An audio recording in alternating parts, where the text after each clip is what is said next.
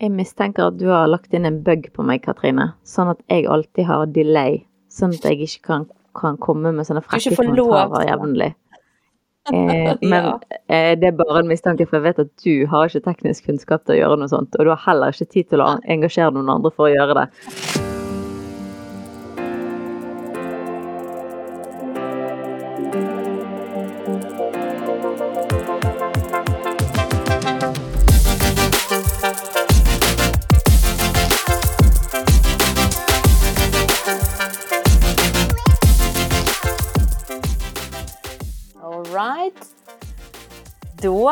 Kan vi endelig si hjertelig velkommen til Mammas hjertepodkast. Så stas du vil henge med oss. Jeg, jeg, jeg, drømmer tilbake til dette her eh, live publikummet som vi hadde, Ingrid Anette. Kunne ikke vi hatt sånn live opptak med publikum hver tirsdag? Hadde det gått an? Nei, det hadde ikke gått an. Det hadde blitt kjempestress, faktisk, å organisere. Men uh, det er lov å spørre. Men det var gøy, da. Det var det. det var jeg er ikke partypoper, jeg er pur realist i situasjonen. For å si sånn, hvem er det av oss to som annenhver tirsdag hadde fått et meltdown fordi at du var så stresset for å rekke det og for å Jeg vet ikke, rekke opp en hånd. Katrine opp på hånden. Det er ikke meg. Ja da. Jeg kan drømme om eh, det, men så er det jo vanvittig mye arbeid rundt. Men det skal være event igjen i, eh, i høst, så, så, vi kan jo allerede bare begynne å slippe tanken ut til mennesker. At uh, dere folkens, og spesielt mennesker som bor i Bergen og omegn, dere må bare begynne å eh, sette av slutten av høsten. Der kommer vi med dato snart, Eh, og inviterer til Mammas hjerte-event igjen med både livepodkast og eh, kanskje noen nye elementer inn i bildet, og masse kaffekos mm, ja. og klemming. Så det blir bra. Det blir det. All right. Men eh, vi har altså med oss eh, en veldig spennende og helt ny, fersk podkastgjest i dag. Hei, Ruth. Hei, hei. Så tøft at du har lyst til å komme og gjeste podkasten vår. Det, var, det det, jeg syns det er modig gjort av folk som aldri har vært på podkast før. Så bare hiver de seg ut og, og tar Du husker hvor nervøs du var første gang, Katrine? Jeg var skitnervøs. Altså, det hjelper meg. Ja, det var jeg, jeg, klarte ikke å stokke ordene mine, så det var Du, du har veldig mye nåde. Hvis det, hvis det klusser seg litt til, så, så har vi veldig forståelse for det. Ja, det er godt. Ja. Nei, men eh, Ruth, har du lyst til å så uh, altså, Vi kjenner jo jeg har, jeg har, mailet litt med deg, du har fortalt litt om din historie, og, og jeg, jeg, er bare utrolig berørt av den historien som du bærer. Og så Den skal du dele med oss i dag. Men, men, kan du bare fortelle litt hvem er du, hva driver du med? Litt sånn basics. Ja, nei, jeg heter Ruth Flem. Jeg bor i, rett utafor Drammen. Barnehagelærer. Så nå er jeg i permisjon på det blir hvert tredje året i mammapermisjon. Det gikk litt slag i slag der, kan du si? Det gikk litt slag i slag. ja. Fikk førstemann i mai 2020, og så har jeg vært i permisjon siden da, kan du si. Og så fikk jeg vært, gravid igjen i september i fjor. Det er jo det som er på en måte fortellinga, da. Mm. Skulle jeg si. Hvordan var det, jeg må spørre først, du, du var jo faktisk eh, førstegangspermisjonsmamma, eh, eh, barsel, barseltid, i koronalockdown. Hvordan ja. opplevde det? Var det Ja, hvordan var det? Det var litt overveldende, vil jeg tro. Ja, i start. Altså, for det første så var vi jo litt nervøse for om mannen min fikk lov til å være med på fødselen i utgangspunktet, for det fikk de jo ikke lov til. Men så åpna Drammen sykehus åpna for fedre tre dager før eh, før vi, ble, før vi kom, da, for å si det sånn. Og så var det jo ikke lov å ha noe besøk innpå der, så jeg vet jo ikke hvordan det er å få besøk når du har baby, liksom. Overvurdert. Ja, det var det jeg tenkte det, du sa. det var for så vidt litt greit at folk slapp, at, at vi ikke kom, da. Men det er overvurdert å ha besøk. Eh, jeg sendte min mann av gårde med besøket for å ta med seg ungen og forholde seg til besøket. Så jeg kunne sove eh, på sykehuset første gang, og andre gang fikk jeg ikke lov å besøke.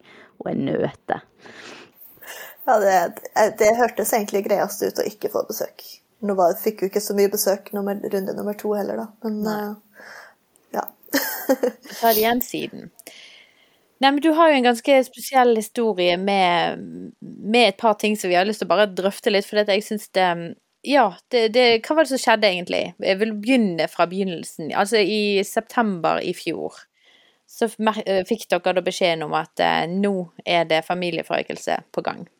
Ja, da fikk jeg jo Jeg ble jo, fikk jo symptomene, da, kan du si, eh, før det hadde gått en måned omtrent. Så da tok vi testen og fant ut at det var noe på gang.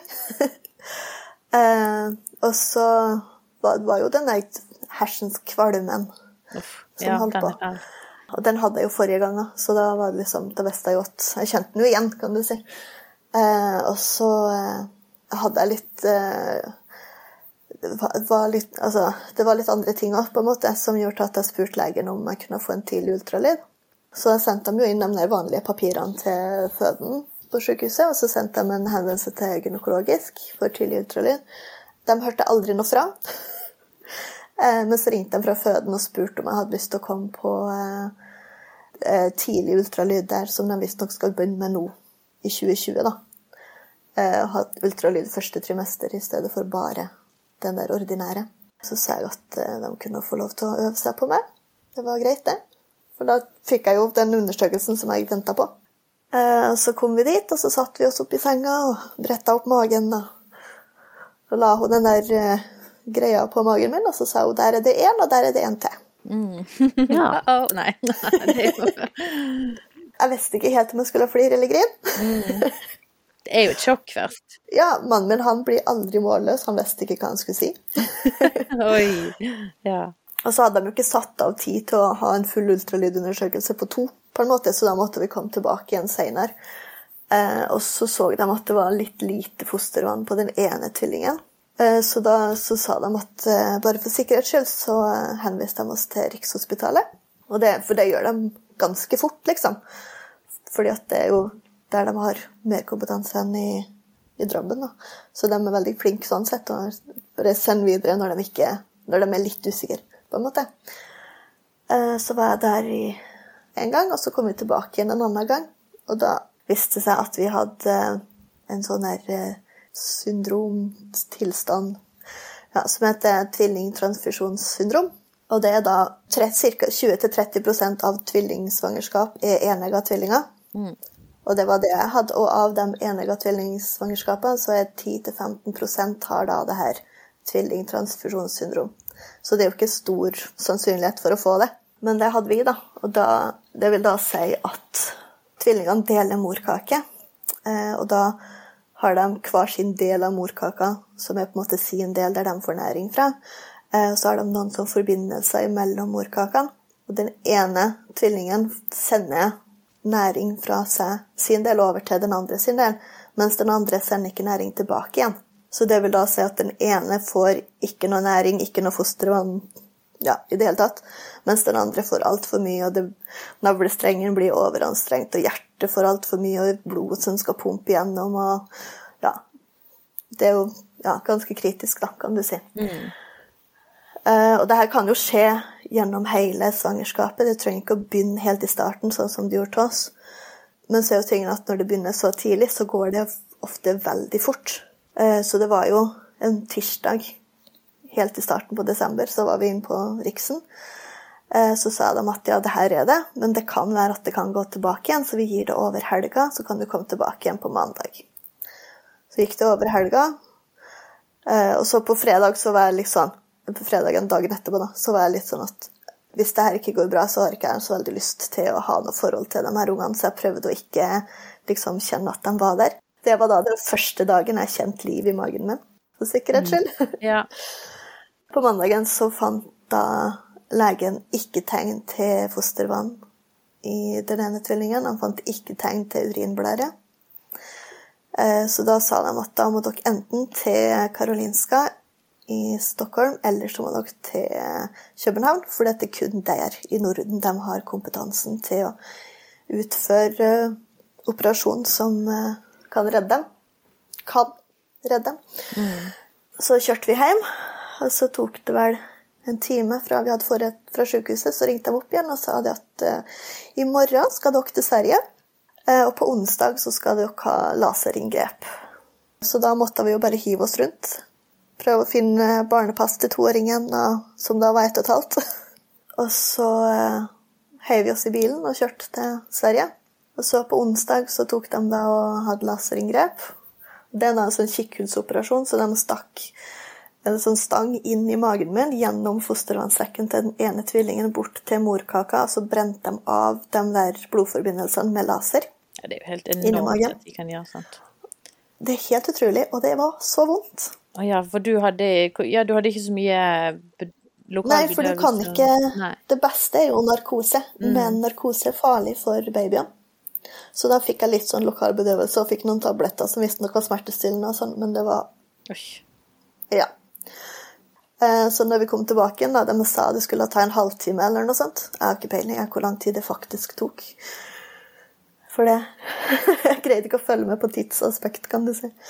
Eh, så når vi kom inn på, tilbake på rommet, da, så satt mannen min og venta. Han trodde at vi hadde mista begge to, for han syntes at det så helt ødelagt ut. Men så, så jeg var litt sånn Nei, jeg har bare vondt, jeg har bare vondt. Så fikk han roa seg ned litt, da.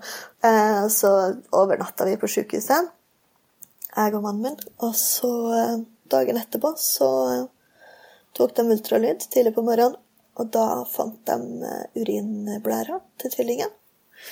Og så fostervannssekken som hadde ligget som et laken rundt han, hadde plutselig fått litt mer plass.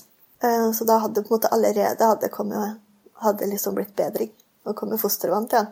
Det er jo fantastisk. Men det er jo ikke bare bare å gjøre et sånt inngrep i noe Nei, så sart og ja. Mm. Så det er jo, og de sa det at det hadde vært en veldig vanskelig å komme til, og sånn, for morkaka lå litt krumlete og litt Det var på en måte litt mer komplisert enn det de eh, egentlig hadde tenkt i utgangspunktet. Da. Eh, og så sa han jo det, han legen på Karolinska som tok ultralyden på før operasjon, han sa det at uh, vi var i uke 16, og da bruker de fleste å miste i Sverige fordi at de ikke blir henvist fort nok. Så det var jo på en måte, Han var helt overraska over at det faktisk hadde gått så fort at jeg hadde blitt henvist først fra Drammen til Riksen, og så hadde Riksen bare hevet seg rundt og sendt meg, liksom var, han var helt overraska over at det hadde gått så fort, og så at det faktisk gikk bra, liksom. Når vi fikk vite at det var det her, da, så sa de, når de informerte at vi kunne ha operasjon, så sa de at ja, det finnes en operasjon som kan redde dem, eh, men så er det mange som velger å avslutte i stedet. Bare så dere vet det, liksom. Så vi sa at det er ikke noe alternativ for oss. Vi, vi skal ha de her ungene. Hvis vi får lov til å få dem, så skal vi ha dem. Så eh, reiste vi til Sverige og tok operasjon, så kom vi hjem igjen. Og så tre dager etterpå så gikk vannet. Da var jeg jo akkurat begynt på uke 17. Det er tidlig. Så da ringte vi til ambulanse og ble sendt til Drammen sykehus. Der var det visst veldig masse som skjedde på avdelinga den natta. Så vi måtte sitte noen timer og vente før vi fikk undersøkt om de fortsatt levde. Eh, og hun sa jo det hun gjorde bare som kom i at beklager, altså. Det er ikke det at vi ikke syns at dere er viktige, men dere er ikke Staken deres haster ikke så mye. Det er, ikke, det er, liksom ikke kritisk. Så da satt vi der, da. Og visste ikke om eh, hjertene banka, eller om de hadde slutta å banke, eller om hva som skjedde. På en måte jeg tror det var to-tre timer, i hvert fall. Så når de til slutt eh, sjekka, da, så var det jo fortsatt liv i dem. Eh, så fikk vi lå jeg på sykehuset noen dager. Og da var jo alle som kom inn på rommet mitt, så jo på meg, at det var liksom det, lys, liksom den der Uff, stakkars hun som holder på å miste ungene sine, liksom. Mm. Så var det ei som sa det, at uh, når vannet går så tidlig, så, det, vel, så det kan gå bra, men så er det mange som uh, velger å avslutte. Hei, du. Visste du at Mammas hjerte er en del av Tro og Media? For å lære mer om Tro og Media, så kan du søke opp på tromedia.no, eller følge oss på sosiale medier. Altså, da fikk du altså tilbudet om å avslutte svangerskapet. Det hørtes ut som det ble sagt litt sånn i forbifarten. Eh, ikke som en på en måte eh, sette seg ned og diskutere alternativer, da. Hvordan syns du det var å få sånne si, kommentarer eller spørsmål? Nei, altså, jeg tenker jo at eh, det er jo ikke noe som du bare lufter sånn i forbifarten, på en måte hvis jeg hadde hatt ønska å avslutte svangerskapet, så hadde jeg jo gjort det for lenge siden. på en måte. Eh, og det er jo ikke noe sånn at Å ja, ungen min er ikke perfekt. Ungen min kommer, det kommer kanskje til å bli litt vanskelig, det her. Derfor så vil jeg ikke, liksom.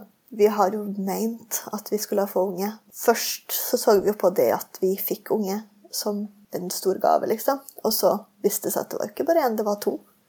Så det var jo enda større gave. Og så kommer de og bare Ja, nei, men altså, hvis du ikke vil, så skal du få slippe, på en måte. Altså, det er jo ikke, er jo ikke en sånn lettvint, enkel løsning som du bare tar fordi at det blir litt vanskelig. Det er jo en, er en litt sånn underlig følelse når du sitter der og, og, og, liksom Dette er en gave, dette er noe verdifullt, vi står i liksom noe Og så får man liksom en sånn litt sånn lettvint og du, Du kan bare få deg liksom en sånn eh, quick fix på dette problemet. sant? Dette er et problem, du kan få en quick fix. Sånn som vi hører din historie, sant? så er jo det eh, For meg så, så maler det et bilde av at jeg tror jo at en kvinne gir sitt liv og hele kroppen sin og alt de er, på en måte, i prosessen svangerskap. Og vi som er kristne, vi, vi tror jo det her er på en måte noe som er, vakkert, og noe som vi er ment til å gjøre. Vi, vi, er ment til å beskytte, vi er ment til å på en måte gi livet vårt, og at det på et vis er et bilde på Gud som gir livet sitt for oss som er hans barn.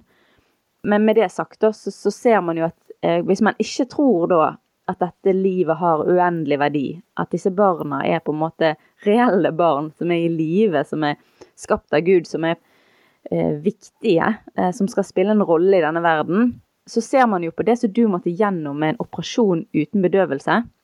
Det har sin pris, og på en måte kan man kanskje forstå at ut ifra andre perspektiv så virker det som en fornuftig løsning, da. Men det høres ut for meg som om det, mm, det virker som om de tenker at det er lettere enn det det egentlig er. Fordi at vi hører ikke så mye om de historiene om de som angrer. For det å angre på noe sånt, det betyr at man må ta inn over seg at man har tatt livet av sitt eget barn. Hvis man skal angre, angre på at man tok det vekk, på en måte.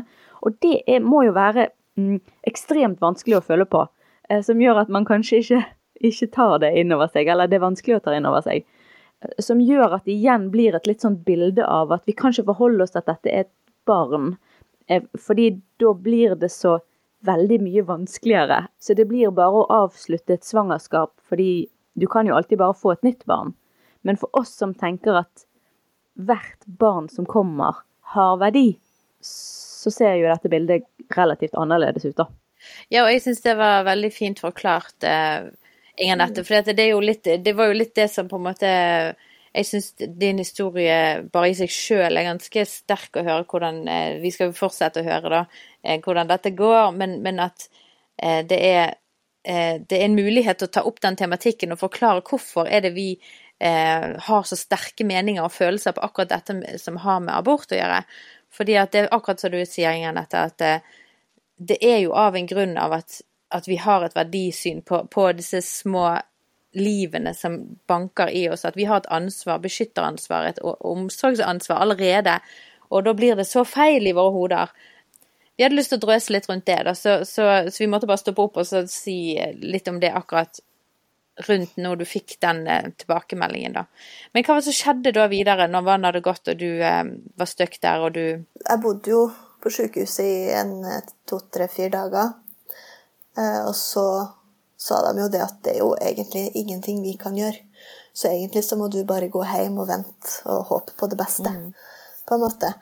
Og så uh, sender vi deg tilbake igjen til Rikshospitalet, så du kan gå på kontroll der hvis det, så, le så lenge det eventuelt da blir nødvendig. Lykke til, ha det bra, liksom.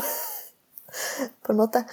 Uh, så da, og så snakka jeg jo med uh, Rikshospitalet noen dager etterpå igjen etter at det ble skrevet ut, så var vi på kontroll, og da viste seg at det var jo eh, Og det var jo for så vidt klar over at det kunne være komplikasjoner etter inngrepet, da. Eh, og antageligvis var det det som hadde skjedd, at det var i og med at de gikk inn gjennom fostervannssekken til den ene tvillingen, da, så hadde antageligvis pipla ut litt vann fra hullet som de hadde laga. Og så enten så har det da lukka seg igjen, eller så har, ene, har, ungen rett og slett bare satt seg på den eller lagt altså, Sånn at det da ikke kom ut noe mer. Um, Men om jeg da kom til å liksom leke resten av svangerskapet, eller om det på en måte da var lukka skikkelig, det var vanskelig å si. Kan jeg bare skyte inn en kommentar? For det var litt kult angående det der med på en måte fostervannet, da. Fordi når jeg, eh, vannet gikk med min på en måte førstefødte biologiske eh, Men så, så hadde ikke det gått likevel. Men da hadde jeg hatt noe som het høy vannavgang. Som var på en måte sånn som du sier, at hullet var høyt oppe, og så hadde det fylt seg opp igjen, på en måte. For jeg var jo helt, De trodde jo ikke meg, men jeg var jo helt sikker på at vannet hadde gått. For det gikk jo pladask i gulvet. altså Vi snakker sant, håndklær og styr for å få det vekk. sant? Men likevel, så under fødsel, så var det henen hel. Sånn at det går jo an da, at hullet går på et litt sånn gunstig sted som gjør at det kan dukke seg igjen. da. Så det er jo veldig stilig. Ja, og det var jo tingen at de så jo ikke De så ikke med sikkerhet at det var fra den der Tvilling 2, da, som han heter. Eh, at det var der vannet hadde gått, men de regna med det, for det var han som hadde mest vann, liksom. Men så slutta det liksom å komme vann, da. Og så sa de at eh, så var vi jo på ukentlig kontroll. Først i liksom romjula og, og liksom det måneden rundt jula. Og starten på januar så var vi to ganger i uka inn til Oslo på kontroll. Er det sånn at du måtte ligge mye og være veldig sånn i det, Min mor sa i hvert fall det at hun måtte bli liggende i tre måneder. For dette, du liksom, jo mer du går, jo mer du på en måte er i bevegelse, så på en måte så kan det lekke mer vann, da. Ja, altså, det de sa, var jo sånn, på, sånn generelt i forhold til at jeg hadde et uh, høyrisikosvangerskap, da. Uh, så var det jo viktig at jeg var på en måte rolig, og jeg fikk jo var ikke snakk om å vurdere å sende meg tilbake på jobb, f.eks. Eh, men samtidig, så hvis jeg bare hadde lagt meg ned, så hadde jeg vært i fare for å få blodpropp, så det kunne jeg jo heller ikke. Men det var jo det de anbefalte før, sa de. Så det er jo på en måte Hadde jeg vært eh, gravid noen år tidligere, så hadde jeg jo blitt sengeliggende. Men da, da hadde jeg for så vidt heller ikke kommet så langt, fordi den operasjonen eh, som de gjorde, den er bare noen år gammel. Så hadde jeg fått unge for eh, åtte år siden, så, eller hadde dette svangerskapet vært for åtte år siden, så hadde det heller ikke vært noe unge nå. Nei, for det, det, er ikke sånn at eh, den ene kunne ha overlevd, for det, det er for stor belastning på en ting er den ene som ikke får noen ting, men den andre vil jo få for stor belastning på hjertet og på Det er litt vanskelig å vite, egentlig, på en måte, men antageligvis så hvis det ikke hadde blitt gjort noen ting, så kan I og med at det var godt at de var såpass små, det hadde gått, at det gikk såpass fort, så kan det godt være at ingen hadde overlevd. Men de kunne ha, det kunne ha vært at den ene hadde dødd, og den andre hadde overlevd. Men hvem av dem som da hadde ja, si dødd først, da? Det er ikke godt å si. For en kan jo dø av overbelastning. Like godt som en kan dø av underernæring, mm. skulle jeg si. Så det var jo, for det var jo det jeg tenkte først, at å nei, stakkars han lille som ikke får noen ting. Liksom. Men det er jo jeg har, en, jeg har en kompis som er barnelege, og han sa det at de som kommer inn på sykehuset av unger som har blitt født med TTTS, da, der er det på en måte den som er det de kaller resipient, han som blir overbelasta, det er dem som på en måte sliter mest når de kommer ut. Okay. Yeah. Fordi at den som er eh, donor, de er jo vant til å på en måte kjempe for det lille de får, ikke sant? Mens den andre, han får og får og får, og så må bare at det har litt med det å gjøre, antageligvis. Mm. Ja, men hvordan gikk det videre nå, da? Nå, nå lå du, sant, du tok det med ro, og det er jo eh, snakk om på en måte å være en rugemaskin i eh, sant? Altså her, her, går hele livet og, på, i hold, og det er det jo mange som gjør når de går i svanger. Så, altså, mm. Eh, det var jo som sagt uke 17 vannet gikk. Eh, og så sa de jo det både på sykehuset og på Riksen at det er ingenting vi kan gjøre for, for fostrene. Eh, for ungene. Eh, så da er det på en måte Vi kan Vi må vente og se hva som skjer, hvilken vei det går. medisinske verden kan ikke gjøre noen ting fra eller til eh, før du har kommet til Eventuelt, da, hvis du kommer til uke 24, da er det teoretisk mulig å redde. Liksom, da har vi greid å redde. Så da må du på en måte bare komme deg dit. Ja, Så da merker vi kalenderen og bare går og venter da på ja, så da var på en måte jula var litt sånn ventetid, kan du si. Adventstid, bokstavelig talt. Mm, ja. ja. for det var jo Inngrepet skjedde jo hva det var 8. September, eller, nei, desember eller noe sånt. Og så, eh, så, var det jo på en måte i januar en plass, nei, februar, så var uke 24, da. Og så for vi jo inn til, på, på Riksen på kontroll en gang i uka. Mm. Da var vi veldig glad for at uh, ultralydundersøkelser er gratis. Det var bare parkeringa vi måtte betale. Ja, fantastisk. det var veldig greit. Uh, og de var jo kjempeflinke og informerte, og de sjekka godt, og det var liksom De tok seg god tid hver gang, liksom, så vi følte oss jo virkelig liksom uh, ivaretatt. Og så var de jo der at de prøvde jo så godt det lot seg gjøre, at det var den samme legen som skulle undersøke.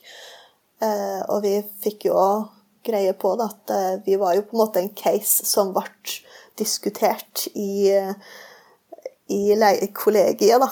Eh, så det var jo det var en gang det kom ei en av de siste gangene vi var på Riksen, så kom de og bare 'Jeg har jo sett navnet deres mange ganger. Vi har jo hørt masse om dere', liksom. Så jeg bare OK.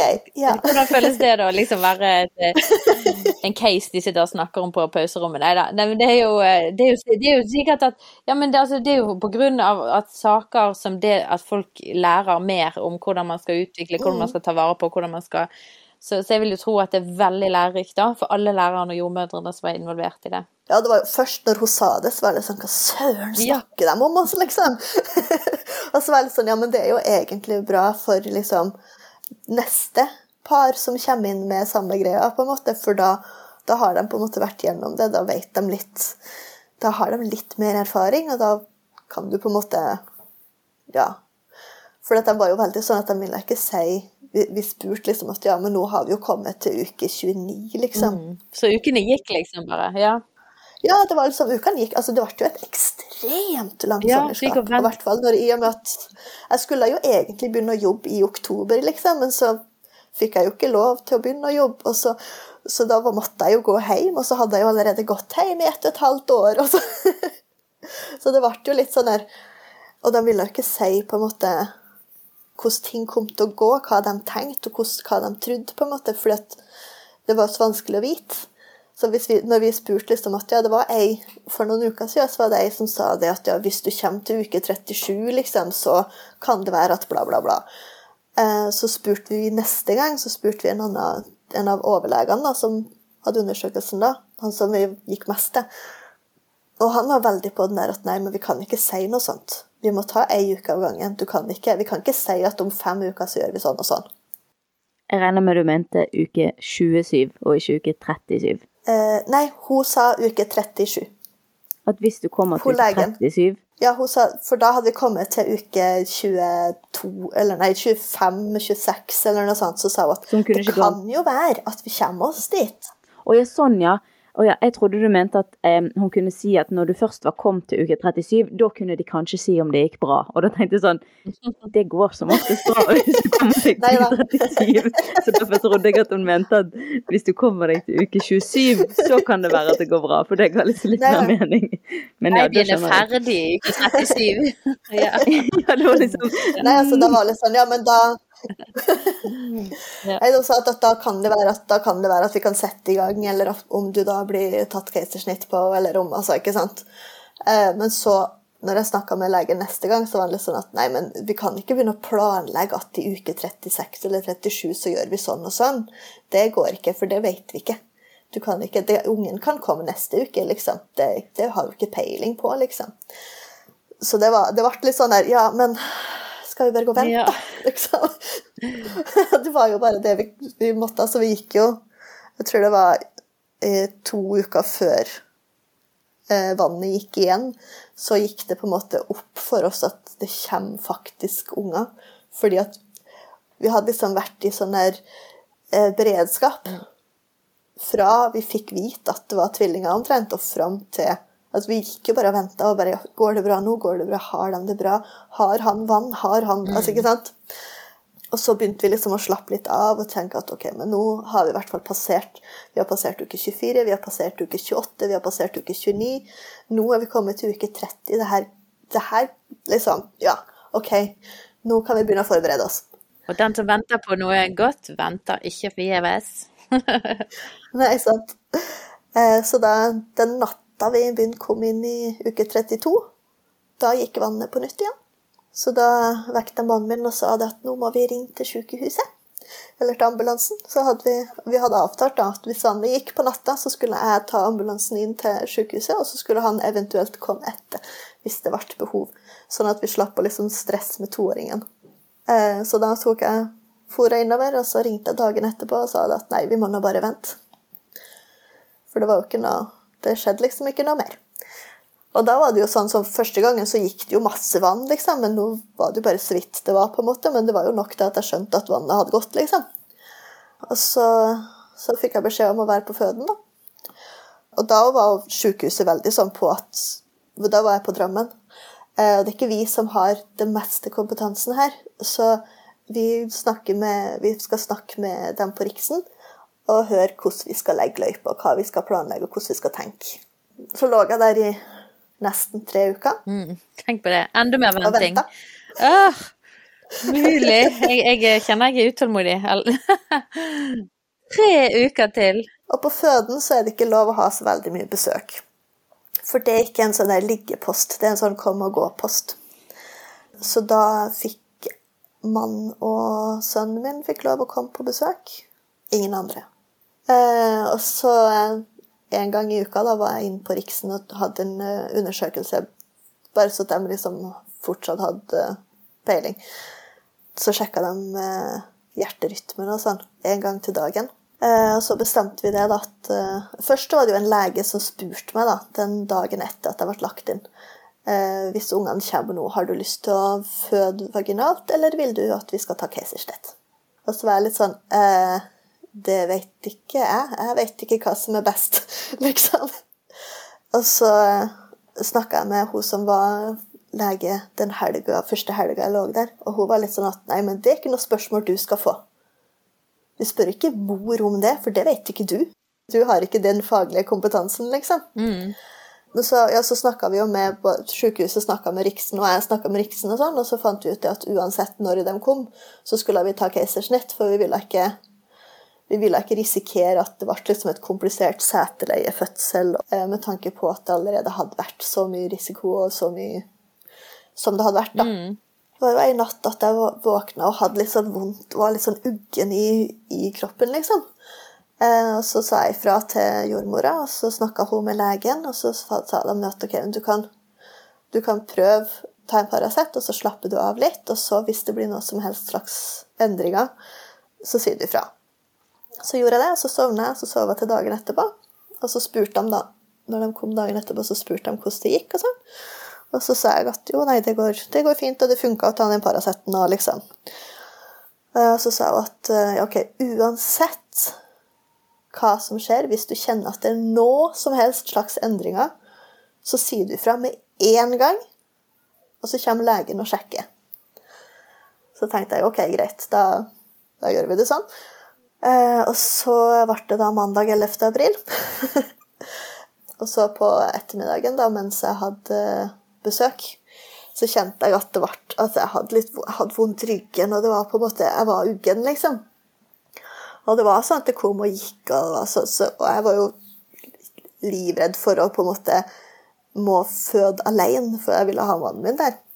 Så jeg sa det jo til han rett ikke så lenge før han måtte dra eh, for å legge eldstemann, så sa jeg at jeg vil at du skal være her, kan du bare heller levere han til svigermor, og så kommer du tilbake igjen, liksom. Så gjorde han det. Og da hadde jo på en måte kommet, da hadde det blitt vondere og vondere, og jeg hadde sagt ifra til jordmor at det, det her er vondt, liksom. Og så sa hun at ja, men hva kjennes det ut som, hvordan er det liksom? Nei, det er vondt bak i korsryggen, liksom, og det kommer og det går. Og så, altså, det er liksom, det minner meg om sånn som Rian begynte med forrige, liksom. Og sa OK, ja, greit, men bare ta oss og se hvordan det er, du, og så bare si det ifra hvis det blir vær. Og så eh, ble det jo vær, så da sa jeg ifra. Og så var hun liksom, ja, ok, men hvordan gjør, hvor er det, liksom? Og så fortalte jeg hvor det gjorde vondt, og så tok hun klemt oppå helt, helt nederst i magen, og så var jeg liksom Au! Og så sa hun ja, men det der er symfysen, det er vondt i symfysen. Greit, men da tror jeg, jeg tror, altså I og med at du ikke kjenner det i magen, det er bak i ryggen og på, ned på symfysen, så, så har du, du har bekkenplager, du. Det her er ikke ria. Du, har, du, du sliter med bekkenet, liksom. Jeg bare Ja, men det her er vondt, liksom. Til slutt, da, etter at det har gått et par timer, så tok hun fram den der maskina for å ha, kjenne på riemåler og, og sånn. Og den, det slo jo ikke ut så veldig mye på magen. Men det var ikke, jeg kjente jo ikke så mye på magen, så det var jo liksom Nei, det var ikke ria. Nei, det var ikke ria, for dette var baki, det var jo vekkende. Og det ble jo bare vær og vær og vær. Og vær, og det var jo til slutt Jeg lå jo og hadde vondt hele tida, liksom. Og så var hun sånn OK, greit, da kan du kjenne etter, da. Og så, så, hun jo, så, kjente hun jo etter, da. Så var hun sånn Nei, jeg, fant, jeg finner ikke noe, sa hun. Og så var hun sånn Nei. Og det var, det var vondt òg, liksom, for hun bare kjente dette og dytta og dro. Jeg vet ikke hva hun holdt på med, men det var i hvert fall vondt. og så, sa var hun sånn Nei, her tror jeg det er helt åpent, sier hun. Og så måtte hun hente ny lege, da, eller jordmor, som skulle komme og kjenne. Uh, og når hun kom, så bare Ja, her er det full åpning. Nå må vi få i gang ting, liksom. Jeg bare Ja, men jeg skal, jeg skal ta keisersnitt, sa jeg. Og hun jordmora bare Ja, jeg vet det, ja da. Og da kom det liksom jeg vet ikke, fire-fem stykker som kom inn i rommet mitt. tror jeg. Og så sendte de ut mannen min, for han skulle jo ha på seg sånne her operasjonsklær og sånn. Og så heiv de meg oppe i seng, og så hørte jeg bare at de ropte til mannen min ja, nå må du bare henge på. Og Så susa de bortover gangen gjennom opp i en heis og bort til noe et eller annet. Så kom vi inn på, inn på operasjonsrommet, da. Og så tok de keisersnitt. Eh, og så gikk keisersnittet kjempebra. Mm. Var, ja, de, kom, de, kom, lett ut, og var, de var helt friske. Eh, da var vi da i uke 34 pluss 5. Tenk på det. Det er rått at de var inni så lenge? Ja, de holdt ut kjempelenge. Så det var jo helt, og var jo, legene var helt overraska, for de trengte ikke noe pustehjelp. og det var liksom, det var, De var liksom helt friske, perfekte babyer, bare at de var litt små, liksom. Utrolig stilig historie. Jeg må bare si at jeg er litt irritert på dine vegne at du måtte på måte, på en måte føde. Fordi at du ikke ble trodd på For dette er jo Ja, du manglet jo bare trykket. Og det er jo, det vet vi jo alle, at det er en veldig liten del av det hele. Det er nok mange som går med tvillinger, og det å liksom få eh, bare høre liksom hvordan kan et keisersnitt eh, Hvordan kan det se ut hvis du har komplikasjoner, og hvordan kan du Ja. Jeg tenker jo, jeg ser en sånn her på Instagram der det eh, Nei, det er ikke på Instagram. Um, det er en uh, som var tidligere med Mammas hjerte, som heter Lene. Hun uh, sa til meg når jeg gikk gravid, at uh, det er så fascinerende at alle andre sine svangerskap går så mye fortere enn mine. Sant, på tøys. Uh, men jeg tenker at du har jo lov til å si at virkelig eh, alle andre sine svangerskap går fortere enn akkurat det svangerskapet der. Ja, jeg tror jeg var gravid i to år ja. eller noe. Jeg vet ikke helt. Å, kjære. Men altså, hvor stor var de når de kom ut, da? Det er jo spørsmålet. Jakob, som var da eh, resipient han var 1968. Og Joel, som var donor og ikke hadde så mye fostervann, og sånn, han var 2118. Så han lå faktisk over? Han tok, han, han tok igjen ganske fort. Wow. Tenk på det. Hvordan opplevde du Altså, jeg tenkte litt sånn på Spesielt når du var der borte i Sverige, og det er så mye uvisst, og sant, du er i et annet land, tenker jeg òg er stress. og bare hele sånn, Du skal operere. Du vil ikke Var du redd? Var du usikker? Var du um... Hvordan reagerte du på hele den opplevelsen? Det som var tingen, var jo det at vi fikk jo ikke så mye tid på å egentlig tenke over hva vi skulle før vi var ferdig, på en måte. Men eh, du fortalte før vi snakket om um, Før vi begynte podkastopptaket, om dette med navn. Uh, og at du hadde gitt ungene navn. Kan ikke du si noe om det? Ja, eh, det var når vi var For vi hadde jo snakka om eh, Det gjorde vi for så vidt med førstemann òg. Vi ville ha et navn som er bibelsk, men som òg funker, som funker å si på flere språk. Eh, og så hadde vi jo vært inne på at ja, Jakob det er jo et fint navn. Det funker jo. Så bare ja, jo da, det funker, det. Jo da, det er greit nok. Det, ja, ja det er jo fint, det. Og så så vi betydningen, og bare ja, det er jo fint. Ja, jo da, det er jo fint navn. Det er kanskje det, Vi kan i hvert fall ha den på lista, liksom. Eh, og så, eh, på vei tilbake fra Sverige, i bilen, da, så sa mannen min at eh, jeg har tenkt på kanskje at kanskje vi kunne ha hatt eh, Joel. For det betyr Altså, Joel betyr Gud er Gud. Eh, eller Jave er Gud. Eh, og da kjente jeg på en måte noe Det var noe inni meg som sa at eh, da skal det være han som var donor. Han som var minste som lå liksom nedi en krok nedi magen og ikke fikk noe næring, liksom. Det, det skal være Joel. Eh, og da passer det jo veldig bra med Jakob, og det har vi jo allerede tenkt på, så da, ja, men da blir det det, da. På en måte. Ja, så fint. Så da ble det jo det. men hvordan føler du eh, at din, den troen du hadde til Gud, eh, betydde den Ja, hva betydde den for deg gjennom ganske tøffe, tøft svangerskap og tøff fødsel og ja, gjennom den tiden her? Både jeg og mannen min opplevde veldig på en måte Vi følte oss veldig nær Gud da, i denne prosessen. Eh, for vi hadde, både jeg og han hadde opplevelser der vi på en måte følte at Gud snakka til oss. Eh, for det er jo litt den jeg tenker i forhold til Når jeg sier at jeg kjente noe inni meg, så tenker jeg tenker jo det at det var Gud som sa til meg at han skal hete Joel, liksom. Eh, og det tenker jeg også i forhold til at jeg kjente Liv den ene kvelden jeg tenkte at nei, men nå skal ikke jeg bli glad i babyene, liksom. Da kjenner jeg Liv. Da tenker jeg at det er Gud som på en måte forteller meg at ja, men det her, det her skal gå bra. Det her, du, du, de er her, liksom. Du kan ikke bare kutte dem ut, liksom. Ja, og så har vi hatt ekstremt mange som har bedt for oss, og som har støtta oss. og hatt Så vi har på en måte kjent litt på den styrken folk som egentlig ikke har snakka noe særlig med og på lenge, liksom. Eh, venner til foreldrene våre, vennene til liksom, onkler og tanter og venner til venner. og altså, Folk som vi egentlig ikke vet hvem er, har òg vært med og bedt, liksom. Eh, så vi har hatt eh, Det føles ut som at i hvert fall halve Norge har vært med å be for tvillingene, liksom. Ja, men så sterkt. Å føle seg så omsluttet av det fellesskapet, da. Og det er jo det man får Uh, man får jo et fellesskap i ryggen som, som støtter en, backer en, heier på en, og det er utrolig sterkt å ha med i sånne kamper, i tøffe situasjoner. Så, så utrolig herlig å høre. Altså. Um, hvordan er de nå, da, når jeg hører, de, hører smålyder av de i bakgrunnen? Nå er det fire måneder siden. Hvordan går det med dere nå, da? Jo, nå går det egentlig bra. Det er jo, altså, det er jo travelt, og det er jo ja, mye driving. De er Nå har de passert fem kilo, begge to. De er kjempeherlige, og de er jo friske og raske. Og storebror elsker babyene sine, og det er liksom Ja. Nei, det er jo utrolig fantastisk å høre at det går så godt, og det er jo ikke alle som opplever det, men, men at, men at det, det, Gud har vært trofast, og dere kjenner dere omsluttet i, i den situasjonen. Og dere tok noen valg da som var rimelig tøffe.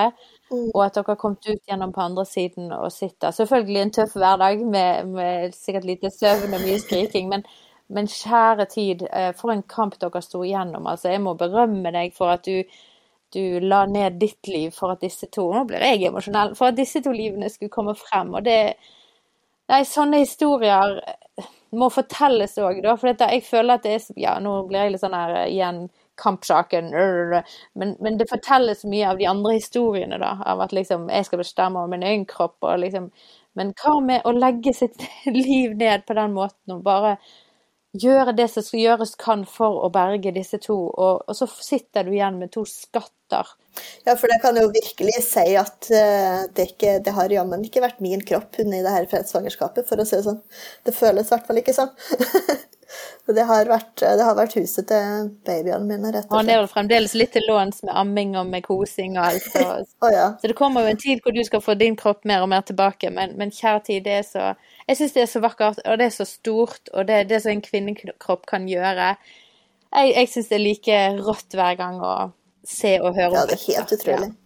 Så tusen takk, Ruth, for at du ville dele denne sterke historien. Jeg syns i hvert fall at det er et, det et vitnesbyrd, og det er en fortelling som trengs å deles og høres. Og for å rett og slett få frem de historiene av folk som bare legger seg ned for å bære frem de livene som er så verdifulle og er så unike, og som Ja. Så jeg gleder meg til å se og høre mer om Jakob og Joel fremover. OK, Ruth. Igjen, tusen takk for at du ville bruke tid. Må du, nå må du løpe tilbake til legging, du. Og så eh, takk til deg som lyttet på. Så høres vi i neste episode. Ha det!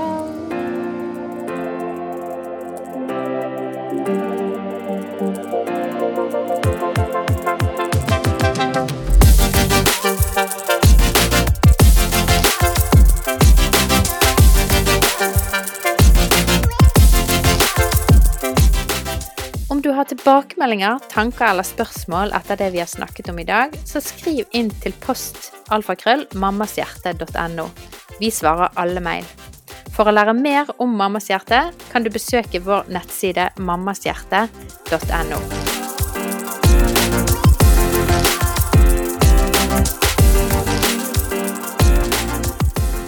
Denne podkasten er laget i samarbeid med Tro og Media og Familiesenteret i Bergen.